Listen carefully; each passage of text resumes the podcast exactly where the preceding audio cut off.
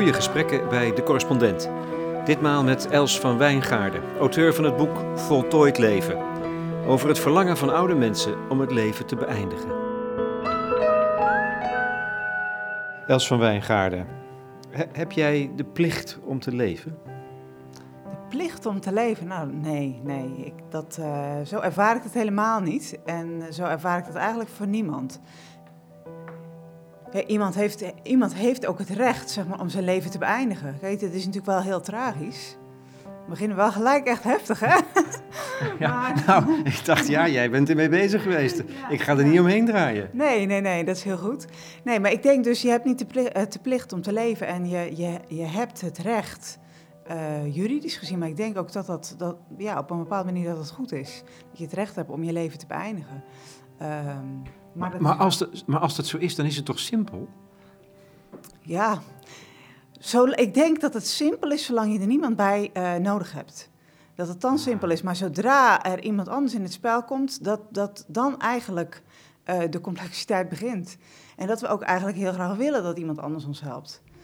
Hè, tenminste, dat heel veel mensen dat willen. Er zijn natuurlijk ook mensen die dit heel bewust echt zelf willen doen. Maar ik denk dat dit het grootste ja, struikelblok is. En natuurlijk is het ook zo eh, dat we eh, ik bedoel ook, je hebt, natuurlijk ook, eh, ik denk ook dat we de plicht hebben te proberen dat, het leven... In 1991 zette de rechter Huip Trion het onderwerp nadrukkelijk op de kaart van het maatschappelijk debat. En tot op de dag van vandaag houdt het de gemoederen bezig. Hoe ga je als samenleving om met de uitgesproken wens van oude of oudere mensen om uit het leven te stappen als ze hun leven als voltooid beschouwen? Els van Wijngaarden hield 25 indringende interviews met mensen met zo'n voltooid leven. Het was haar promotieonderzoek aan de Universiteit voor Humanistiek en ze komt met een definitie. Voltooid leven is een kluwe van onvermogen en onwil om nog langer verbinding met het leven te maken. Waarom is het toch zo moeilijk om ermee om te gaan? Omdat het niet mag? Het klopt niet? Je moet altijd willen leven? Ik vind het heel belangrijk dat we die, dat we die wens serieus nemen. En dat je niet gelijk eh, denkt van, eh, eh, nou laten we gaan kijken naar de vraag achter de vraag. Hè, daarmee neem je eigenlijk, zou je kunnen zeggen, is er in ieder geval ook de, de mogelijkheid dat je de vraag zelf niet serieus neemt. En dat je er eigenlijk aan voorbij gaat en dat je eigenlijk altijd suggereert van er zit iets anders achter. En ik denk dat je daar voorzichtig mee moet zijn, dat je iemand daarmee ook, dat, dat het een enorme miskenning kan zijn. Dus dat... eh, Want in feite geef je dan aan, ik hoor je vraag niet en ik wil hem ook niet horen. Nee, nee, dus ik denk dat, eh, dat, het, dat het heel belangrijk is om, eh, om zo'n vraag, om zo'n, om zo'n stervenswens serieus te nemen. Jij hebt heel goed geluisterd volgens mij. Je hebt 25 mensen geïnterviewd en nog veel meer mensen daaromheen. Heb je wel eens na afloop van een van die gesprekken in de auto zitten janken? Ehm, nou, ik heb me heel vaak heel aangedaan gevoeld. En ik heb één keer dat ik echt, eh, ehm, ik weet niet of ik echt heb zitten huilen, maar wel dat ik direct een vriendin heb gebeld eh, eh, en dat we s'avonds avonds op café zijn gegaan, om het zo maar te zeggen. Maar toen werd ik gebeld door een familielid van een van de ouderen die overleden was en ehm, die het interview hadden gevonden en die daar heel erg van ontdaan waren. En dat vond ik een van de heftigste, dat was ook vrij aan het begin van mijn onderzoek, vond ik een van de heftigste dingen. Vooral omdat zij het niet zo herkende. Maar die mevrouw had mijzelf een brief geschreven van, dit is precies mijn verhaal. Dit is prachtig en dit wil ik nalaten aan mijn familie. En dan heb je die familie aan de lijn je zegt, dit was zij niet. En dan, eh, ik vond dat ongelooflijk moeilijk en ze waren ook boos op me. Eh, ja, ze namen me kwalijk van, je hebt, er, je hebt er van alles ingelegd. En ik dacht, ja, ik kan nou zeggen van, nou, maar ze heeft het helemaal zo bevestigd. Maar ze stonden daar ook helemaal niet voor open. Ik vond dat zo heftig, dat daar zo'n groot verschil... en dat deze mensen elkaar zo niet hebben kunnen bereiken, eigenlijk. Dus zo. Ja, maar dit is toch een illustratie van waar we mee beginnen. Dat is dan toch een familie, misschien wel in liefde of in zorgzaamheid, die die vraag niet hebben gehoord? Ja, nou, zij, heeft het, zij, zij waren er zeker van op de hoogte. Dus zij had het heel nadrukkelijk uitgedrukt. Dat zij heel nadrukkelijk had gezegd dat, ze- dat ze dit wilde. En dat in haar verhaal, zij eh, noemde een aantal dingen dat ze zich ja, toch wel heel erg teruggeworpen voelde op zichzelf, weinig begrepen. En ik denk dat die familie eerlijk gezegd een soort aanklacht voelde. dus dat, dat is natuurlijk ook ongelooflijk lastig als iemand in je omgeving dat doet. Dat je dan toch denkt, zo de mythe ben ik tekortgeschoten. Hadden we dit dan niet uh, daar meer aan moeten doen? Dus ik denk ook dat dat voor hun ongelooflijk moeilijk was om te horen. Schuldig zijn. Ja, schuldig voelen, denk ik. Ja, maar dat, ja. Uh, ja, ja. ja. ja. dat is een cruciaal juridisch verschil. Ja, ja, ja. Heel, en ik denk, ja, ook, uh, ook voor je eigen gemoedsrust. Want je bent daar, denk ik, niet schuldig. Ik, ja, hmm. je bent er niet schuldig aan. Je nou, bent... dat, ja, maar dat zeg je nou zo. Ja. Dat is, maar dat is natuurlijk wel waar het over gaat, hè? Ja. Daar hebben we het over. Uh, als er geen wet is, dan kunnen we mensen niet helpen. Maar zijn we daarmee niet schuldig? Aan het, aan het, aan het niet geven van hulp. Ja, ik vind alleen uh, wel dat het geven van hulp wel ja, op een hele diverse manier geïnterpreteerd kan worden. Dus ik denk dat, we een, een, een, uh, dat er hier een heel nadrukkelijk appel op ons afkomt in dit debat. Uh, een maatschappelijk appel op ons allemaal van hoe gaan we met ouderen om en hoe gaan we met ouderdom om en hoe gaan we met de stervenswensen om. En dat er geen simpele antwoorden op te vinden zijn. Dus dat je ook niet kan komen met een soort van, nou ja, uh, wel als we er maar een paar eenzaamheidsinterventies op zetten, nou dan, dan, uh, dan lossen we het op. Maar ik denk dat we het ook niet te makkelijk moeten willen oplossen door het weg te maken en een pil beschikbaar te maken. Dus dat die complexiteit van de problematiek eigenlijk um, ja, dat we aan beide kanten eigenlijk tekortschieten als we heel erg in de do-mode schieten. Maar dat het ook echt, het gaat om volgens mij om hele wezenlijke, uh, ja, bijna trage vragen zou ik maar zeggen. Hè? De hele, ja, mensen worstelen met het leven. Uh, en ik denk dat het dan ook gaat om de om de hele lastige vraag hoe verhouden we ons hier de godsnaam toe. Nou ja, dus dat was eigenlijk de inzet van jou, eigenlijk misschien wel meer de inzet van je onderzoek, je promotieonderzoek hè, voor de Universiteit voor Humanistiek. Niet zozeer hoe lossen we het op, maar hoe, hoe, hoe moet je jezelf een houding geven, wat toch echt nog iets anders is. Ja, dat vind ik zeker iets anders. En het, ik zal niet zeggen dat het... Wat ik heel erg wilde doen, dat was de opzet van mijn onderzoek, om te begrijpen te proberen te begrijpen, enigszins te begrijpen, wat mensen dan bedoelen als ze zeggen mijn leven is voltooid. Komt op die manier ook bij een soort conclusie uit, nou ja, een advies. En eigenlijk moet je het uithouden bij dit tragische verhaal. Dat vind ik een, vind ik een ongelooflijk mooie, maar ook wel aangrijpende conclusie. Want dat is helemaal niet zo eenvoudig. Nee, dat is zeker niet eenvoudig, want het is denk ik ook een ongelooflijk moeilijke opgave. helemaal, uh, dat kan je nog zeggen bij wijze van spreken als professional of zo, weet ik veel, als arts of als, als hulpverlener. Maar als het bijvoorbeeld je ouders betreft, ja.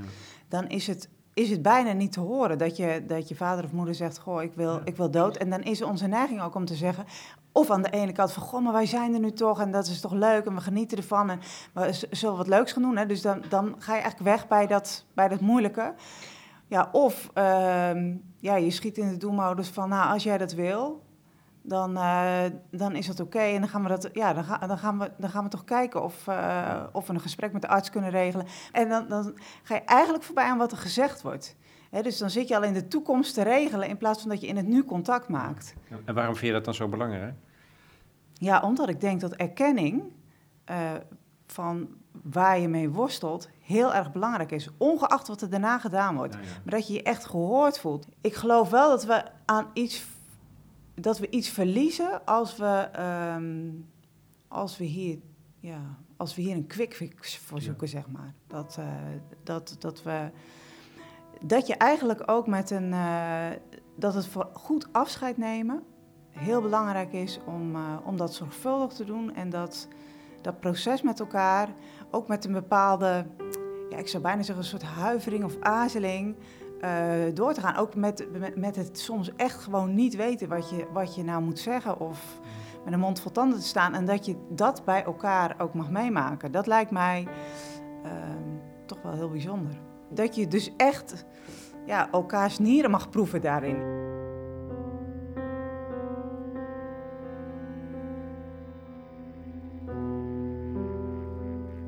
Kon daar uren zitten.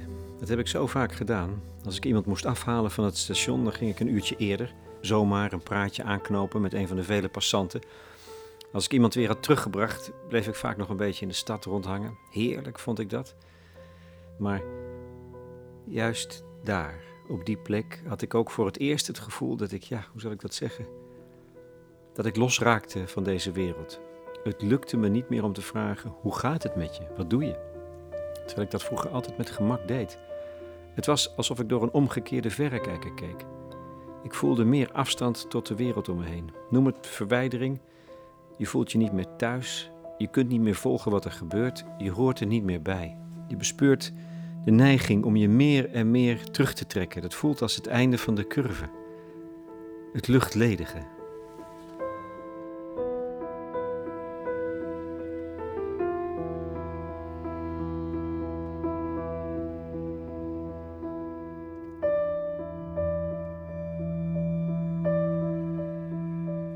Weet je nu wat het is? Voltooid leven? Nee, dat, ja, dat zou ik eigenlijk aan de ene kant natuurlijk als wetenschapper zeggen van ja, dit zijn de uitkomsten. En tegelijkertijd denk ik dat, eh, dat ieder mensenleven voor mij een raadsel blijft en voor jou, weet je, dat, dat je zelfs voor jezelf een raadsel bent. Dus dat, uh, ik vind het, dat we ook heel voorzichtig moeten zijn in, in het uh, beweren dat we een ander begrijpen. Um, mooi, mooi dat je dat zegt, want het zit ook om één ding uh, te benoemen, het zit vol ambivalentie. Ja. He, er is ook een mevrouw die zegt, ik kan soms nog gelukkig zijn. Ja. Terwijl ze ook zegt dat ze een voltooid leven heeft. Ja, dat vond ik heel opvallend, dat er heel vaak ja, bijna een soort meerstemmig zelf was. dus dat mensen, uh, daar hebben we ook zo'n mevrouw bijvoorbeeld die dan zegt, ja, ik, ik, wil eigenlijk elke dag dood. Ik ben er heel, was er ook ongelooflijk veel mee bezig, bijna obsessief. Uh, en tegelijkertijd elke dag 45 minuten aan het trainen op de fitnessapparatuur om fit, uh, ja, vitaal oud te worden. En dan denk je echt, hoe zit dat? En dat zei ze zelf ook, ja, stom hè? Maar en tegelijkertijd denk je, ja, zo stom is dat eigenlijk niet. Want als je bij jezelf moeilijke keuzes nagaat, ja, dan is dat ook niet zo...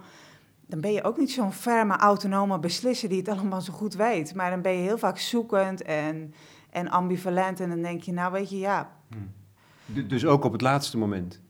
Dat is volgens mij verduiveld moeilijk om mee om te gaan. Ja. Concreet. Ja, dat denk ik ook. Ja, en helemaal als we in, in, in, denk ik, in onze Nederlandse context nu zo aansturen op een intrinsieke, uh, uh, hele duidelijke keuze. Coherent moet die zijn en niet met druk van buitenaf en weet ik wat allemaal. Ja, dat is min of meer een soort, is natuurlijk een juridische uh, soort van constructie. Dat, maar ja, ik denk dat het in de ervaringswereld bijna niet bestaat. Of misschien wel helemaal niet bestaat. Dat, dat je zo niet, niet dit soort keuzes maakt. Zo zitten wij gewoon niet in elkaar als mensen. Nee, zo zitten we niet in elkaar en helemaal niet bij moeilijke beslissingen. Ja, dat je je daartoe kan verhouden, ook weer met elkaar.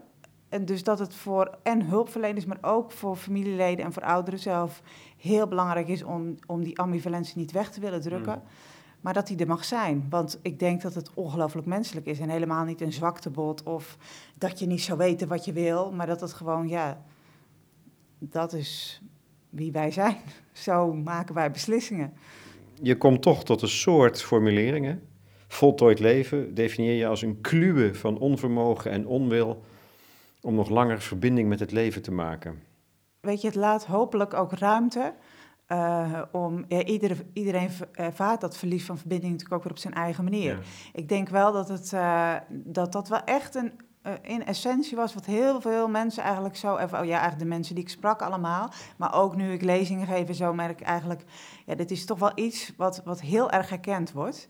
Dus het idee van ja, die wereld raakt op afstand en ik, ik, ik, ik heb eigenlijk ook niet meer echt verbinding met mezelf. Ik raak er steeds meer van los.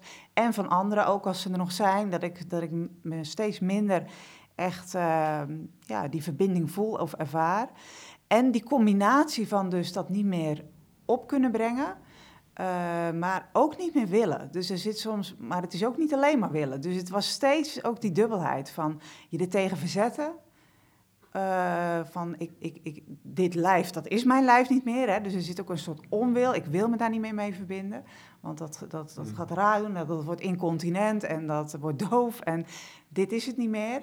Maar ook het, uh, ja, het soms ergens nog wel willen, maar het, het niet meer weten hoe. Dus dat, die, die twee kanten zaten er heel nadrukkelijk in.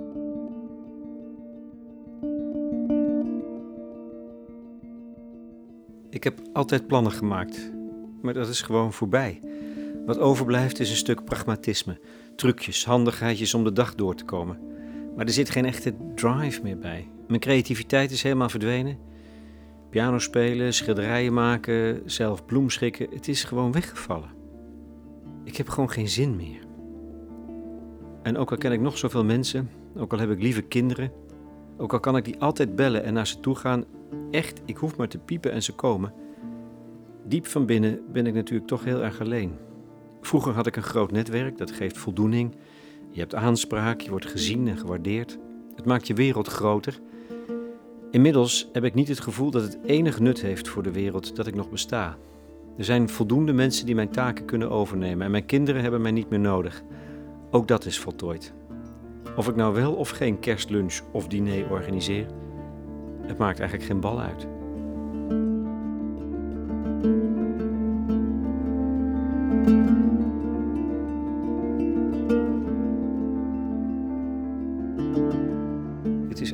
Ook een liefdevolle blik als je in staat bent om te snappen dat de ander niet meer wil. Dat Ja. is ook een, je zou het uiteindelijk ook als een daad van liefde kunnen beschouwen. Om, Ja. je, te, om je in te leven in. eh, Dat is echt empathie. Ja, ik, ik zeg dan, dat is eigenlijk liefdevol. Ja, ja. ja nee, dat, dat ben ik je helemaal met je eens. Dat het, dat het heel liefdevol en empathisch kan zijn om je in te leven in de sterfwens. Maar bijvoorbeeld in dit geval, als die kinderen horen van die moeder, die ervaart, die, die, die heeft eigenlijk het gevoel van, ja, ik beteken niks, niks meer, of in ieder geval niet voldoende voor jullie.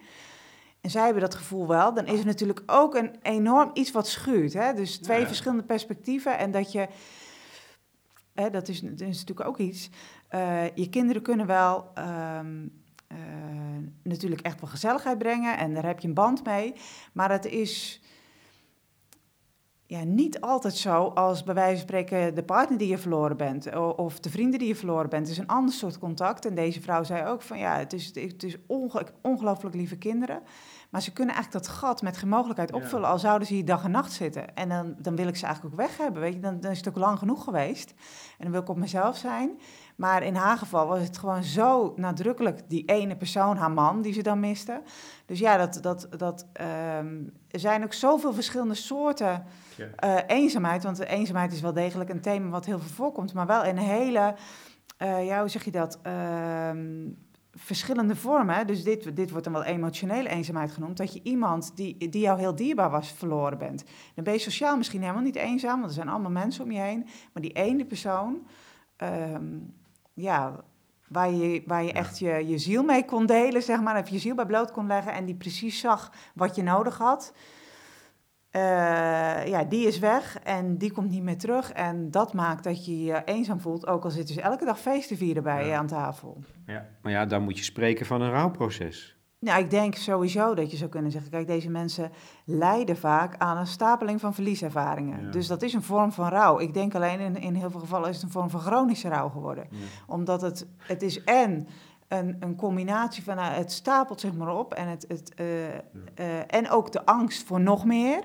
Hè, dus dat zit er dan ook bij. Dus het, het, eh, het is denk ik ook een vorm van complexe rouw die, die, die je niet ja, zo heel makkelijk. die- die is niet, ik denk dat rouw sowieso in heel veel gevallen of verlieservaringen heel moeilijk op te lossen zijn. En, en, en ook in heel veel gevallen niet overgaan. Maar als het dan klap op klap op klap is, ja, dan, dan kan ik me wel voorstellen dat je daar ja, op een gegeven moment ook geen gat meer in ziet.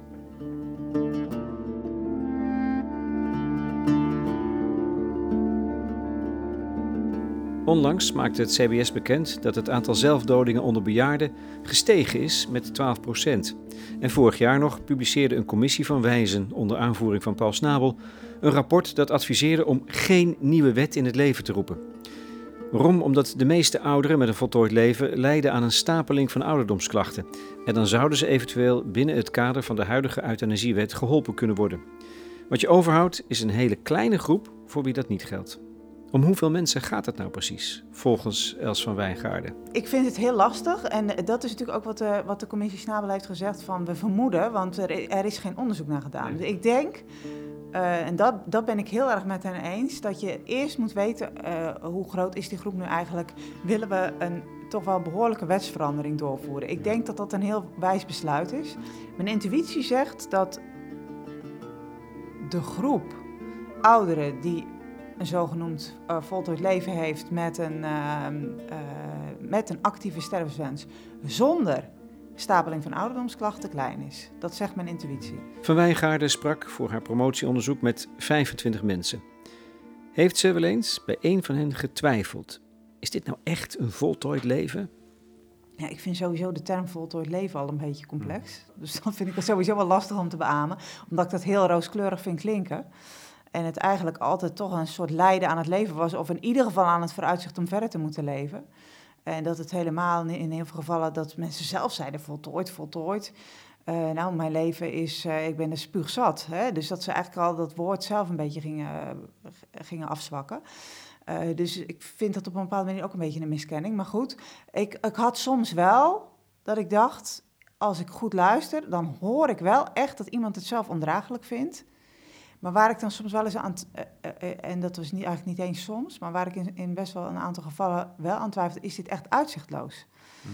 En uh, zou dit niet nog kunnen veranderen? En, uh, uh, en ook echt, kijk, natuurlijk als iemand 99 is en de, de, oudste respondent die, ik, uit mijn onderzoek was 99. En die mevrouw had natuurlijk echt, er natuurlijk ook qua tijd een heel klein toekomstperspectief. En die had allerlei ouderdomsklachten. Dat was echt een kwestie van ondraaglijk lijden. Die denk ik ook binnen de, binnen de euthanasiewetgeving had gepast. Alleen dan moet je natuurlijk ook de wegen weten te vinden. Uh, maar goed, zij, uh, er waren ook mensen van, bij wijze van spreken, uh, van in de zeventig, waar de wandelschoenen nog onder de, van de vorige vakantie onder de kapstok stonden. En iemand waarbij ik een beetje zelf schrok van, oh help, valt ze wel in de leeftijdscategorie? Want ik dacht, zou die al 70 zijn? en oh, heel geëngageerd nog overkwam, maar zo bang voor wat er zou komen. En, ja, en, en ook zo'n idee van ja, ik, ik sta er buiten en ik beteken niks meer voor mijn kinderen. Dat je echt dacht van, ja, dat, dat ik daar wel mijn twijfels bij had. En ik heb wel verhalen meegemaakt nu ik de mensen weer opnieuw aan het interview ben. Dat ik denk, dit is, dit is ongeveer 180 graden gekanteld. Echt niet bij iedereen. Ik heb elf hoeveel, mensen... hoeveel, hoeveel zijn het er dan? Nou, ik heb elf mensen opnieuw geïnterviewd. En ik denk dat er, dat er uh, uh, van, de, van de... Ja, daar zijn de meeste van... Uh, ik denk ongeveer de helft, die zit ongeveer nog in zo'nzelfde soort situatie. Hè, van uh, eigenlijk zo'n beetje elke dag naar de dood verlangen. Uh, maar er zijn ook een aantal mensen die echt, en dat, ja, ik zit even te, een beetje in mijn hoofd te tellen, ik denk een stuk of vijf verhalen waarvan ik denk dat is echt om, ja, om, door omstandigheden veranderd. En ja, die hebben het gewoon leuk nu. Opmerkelijk. Ja. Zo. Uh. Ja, er is bijvoorbeeld één meneer in het boek. Uh, in het boek uh, noem ik hem Wieger. En hij zit daar echt, uh, heeft het gevoel van de, maatschappij heeft me uitgestoten. Mijn, mijn talenten worden niet gezien. Hij heeft vroeg gestopt met werken. door een ontslagtoestand. En heeft toen vrijwilligerswerk gezocht. Hij was technicus en hij wilde dat heel graag wilde gewoon heel graag nog van nut zijn. En had altijd het gevoel van, ik zit er een beetje bij als een, als een beetje een lullige vrijwilliger. Een oud mannetje, ze vinden me zielig, ze kijken op me neer. Dus hij is er op een gegeven moment ook mee gestopt. En toen ik hem interviewde, was hij al acht jaar mee gestopt en zat hij thuis. En zijn vrouw was ook in de lappenmand en uh, zo heftig. Hij was als mantelzorger ook behoorlijk overbelast. Zijn vrouw was naar de, naar, de, naar de verpleeghuis gegaan. Dus hij was wel alleen thuis, maar hij had dat wel achter de rug. Dus hij was ook gewoon best, denk ik, afgemat. En hij zei, nou, ongeveer een half jaar nadat je toen geweest bent, toen was er een mantelzorgmakelaar, dus die hem ook een beetje ondersteund had en zo. En die had gezegd, goh, ik weet wel echt een goede vrijwilligerscentrale. En daar is hij opnieuw naartoe gegaan en dat is wel grappig, want daar doen ze dan echt een intake met hem. Kijken ze naar zijn talenten, naar zijn, zijn interesses en uh, ze hebben ook uh, natuurlijk zijn, zijn mogelijkheden, want die zijn wel beperkt geworden. En nou is hij dus een soort schuldhulpmaatje. En uh, hij zegt, ja, ik heb best wel een caseload hoor. Uh, en, dus, uh, en hij zat echt ja, min of meer trots daarover te vertellen. En hij zei, nou, gemiddeld geef ik me dagen ongeveer een 8. Maar als ik iemand echt heb kunnen helpen, dan geef ik me dagen een 10.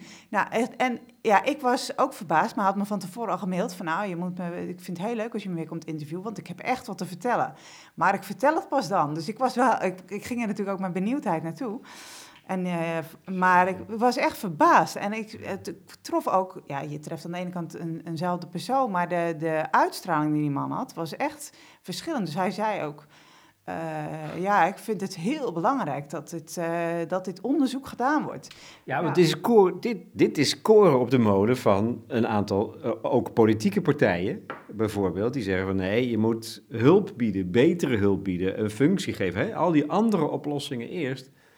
Ja, ja, op een bepaalde manier denk ik ook dat er wel een waarheid in zit. Hè, dat dat ook niet helemaal nergens op slaat. Of is dat een waarheid die geldt voor een aantal gevallen, sommige gevallen, maar zeker niet voor allemaal? Nou, sowieso. Hè. Dus er is sowieso geen, uh, denk ik, niet één eenduidige oplossing.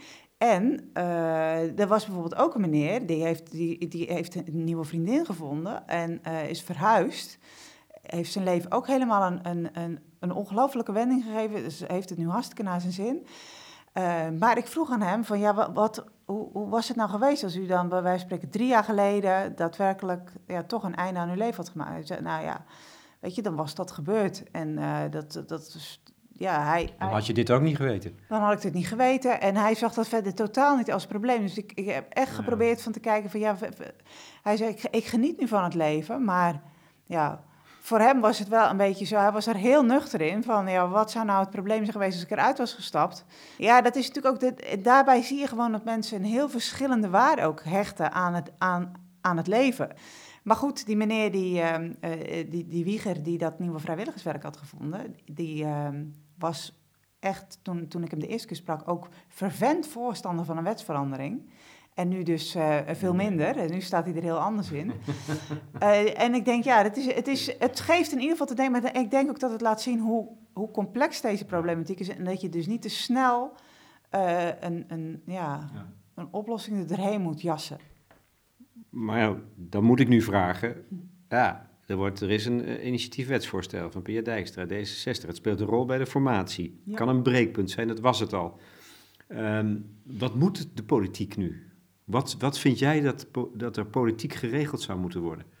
Ja, ik vind eigenlijk, maar ik, en dat is, baseer ik echt op, op, het, uh, op het onderzoek, maar ook op de, um, de reacties uit de maatschappij van uh, bijvoorbeeld de beroepsorganisaties van hulpverleners die hiermee te maken hebben, zoals KNMG, artsen, maar ook verpleegkundigen Nederland en uh, de psychologen, het NIP.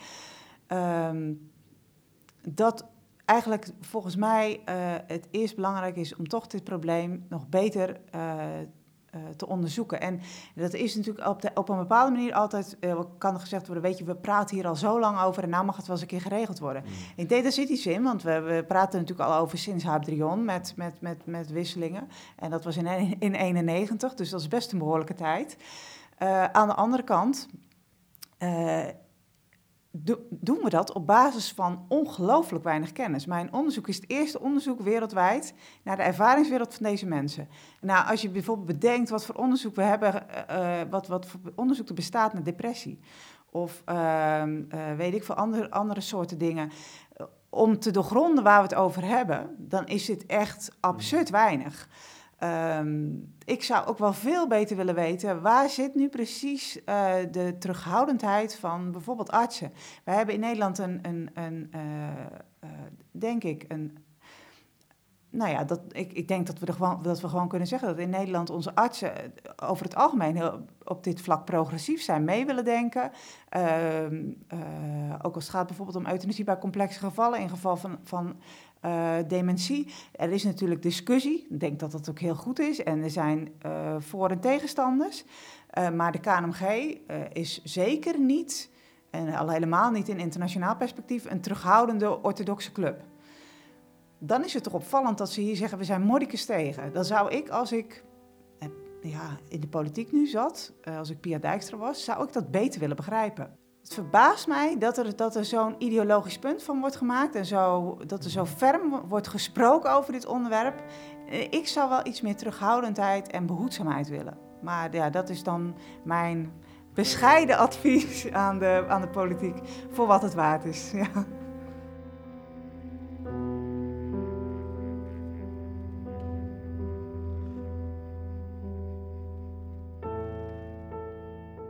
Kijk, zie die boom daar? Zo voel ik me nou ook. Alleen zitten er bij mij dan geen nieuwe knopjes meer in.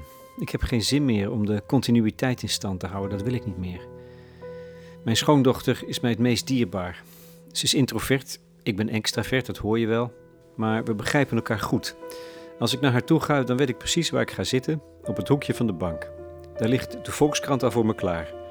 Ze weet wat voor muziek ik graag hoor, heerlijk, echt heerlijk. Dat zijn heel fijne momenten. Toch laat ik het zelf verwateren. Weet je, dan zit ik voor de computer en raak ik simpelweg geblokkeerd. Ik wil een mailtje schrijven, maar ik doe het niet.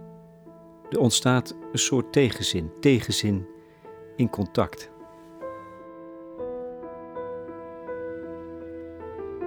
Je zei net, als van Wijngaarden, um, hoe je ermee omgaat is ook gerelateerd aan je eigen mensbeeld, eigen je levenshouding. Hoe zit het eigenlijk voor jou? Ja, dat is ook eigenlijk een ongelooflijk moeilijke antwoord natuurlijk. om, om daar van ongelooflijk... tweede gesprek eigenlijk. Dit, ja, een hele moeilijke vraag en ook uh, moeilijk om daar antwoord op te geven. Kijk, ik, ik, ik vind het denk ik heel belangrijk dat, dat zulke soort heftige beslissingen in een, in een relatie gemaakt worden. dus ik, ik heb denk ik een heel relationeel mensbeeld. Uh, dat ik dat in ieder geval iets heel wezenlijks vind van wat ons mensen maakt.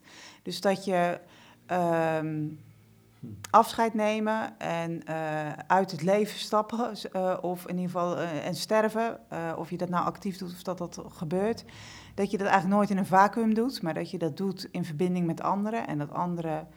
Ehm, en, al, en, als dat wel in een vacuüm gebeurt, vind ik dat echt heel erg. Hè? Als iemand helemaal alleen is overgebleven. Maar die mensen heb ik niet geïnterviewd. Die hadden eigenlijk altijd nog wel mensen om zich heen.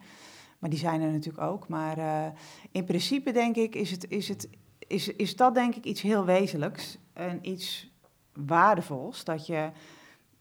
Ja, het gaat over verlies van verbinding. En ik, dat, dat, dat mis je dan juist zo. Die verbinding tussen mensen. Dat er... Dat er ja ja, dat, dat je eigenlijk gaan mensen dan heel erg eenzaam naar het einde toe. En ik dacht wel eens dat dat hele verlangen naar euthanasie, uh, en dat een arts dat dan doet.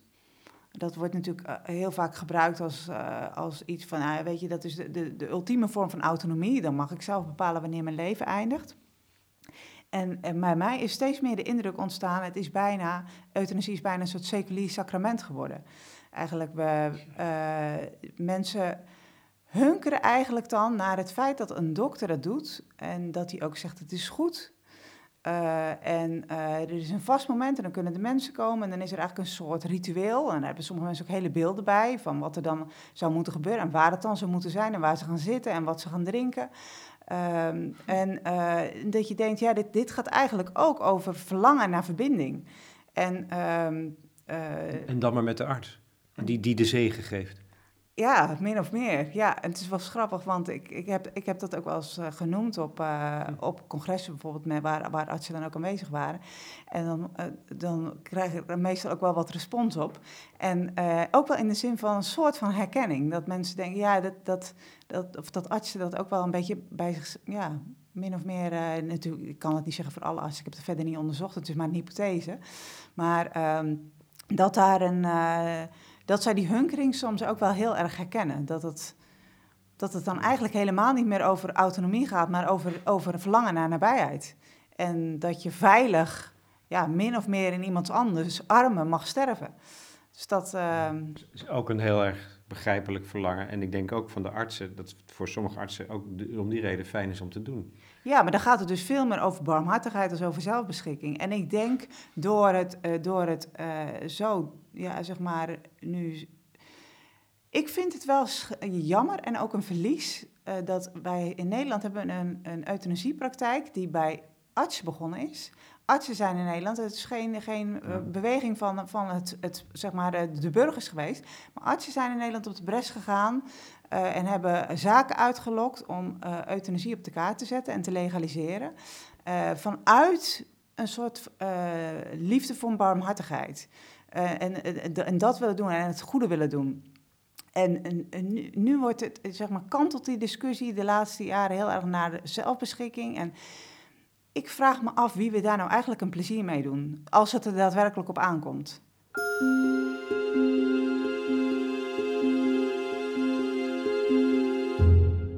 Els van Wijngaarden in gesprek met Lex Bolmeijer voor de correspondent.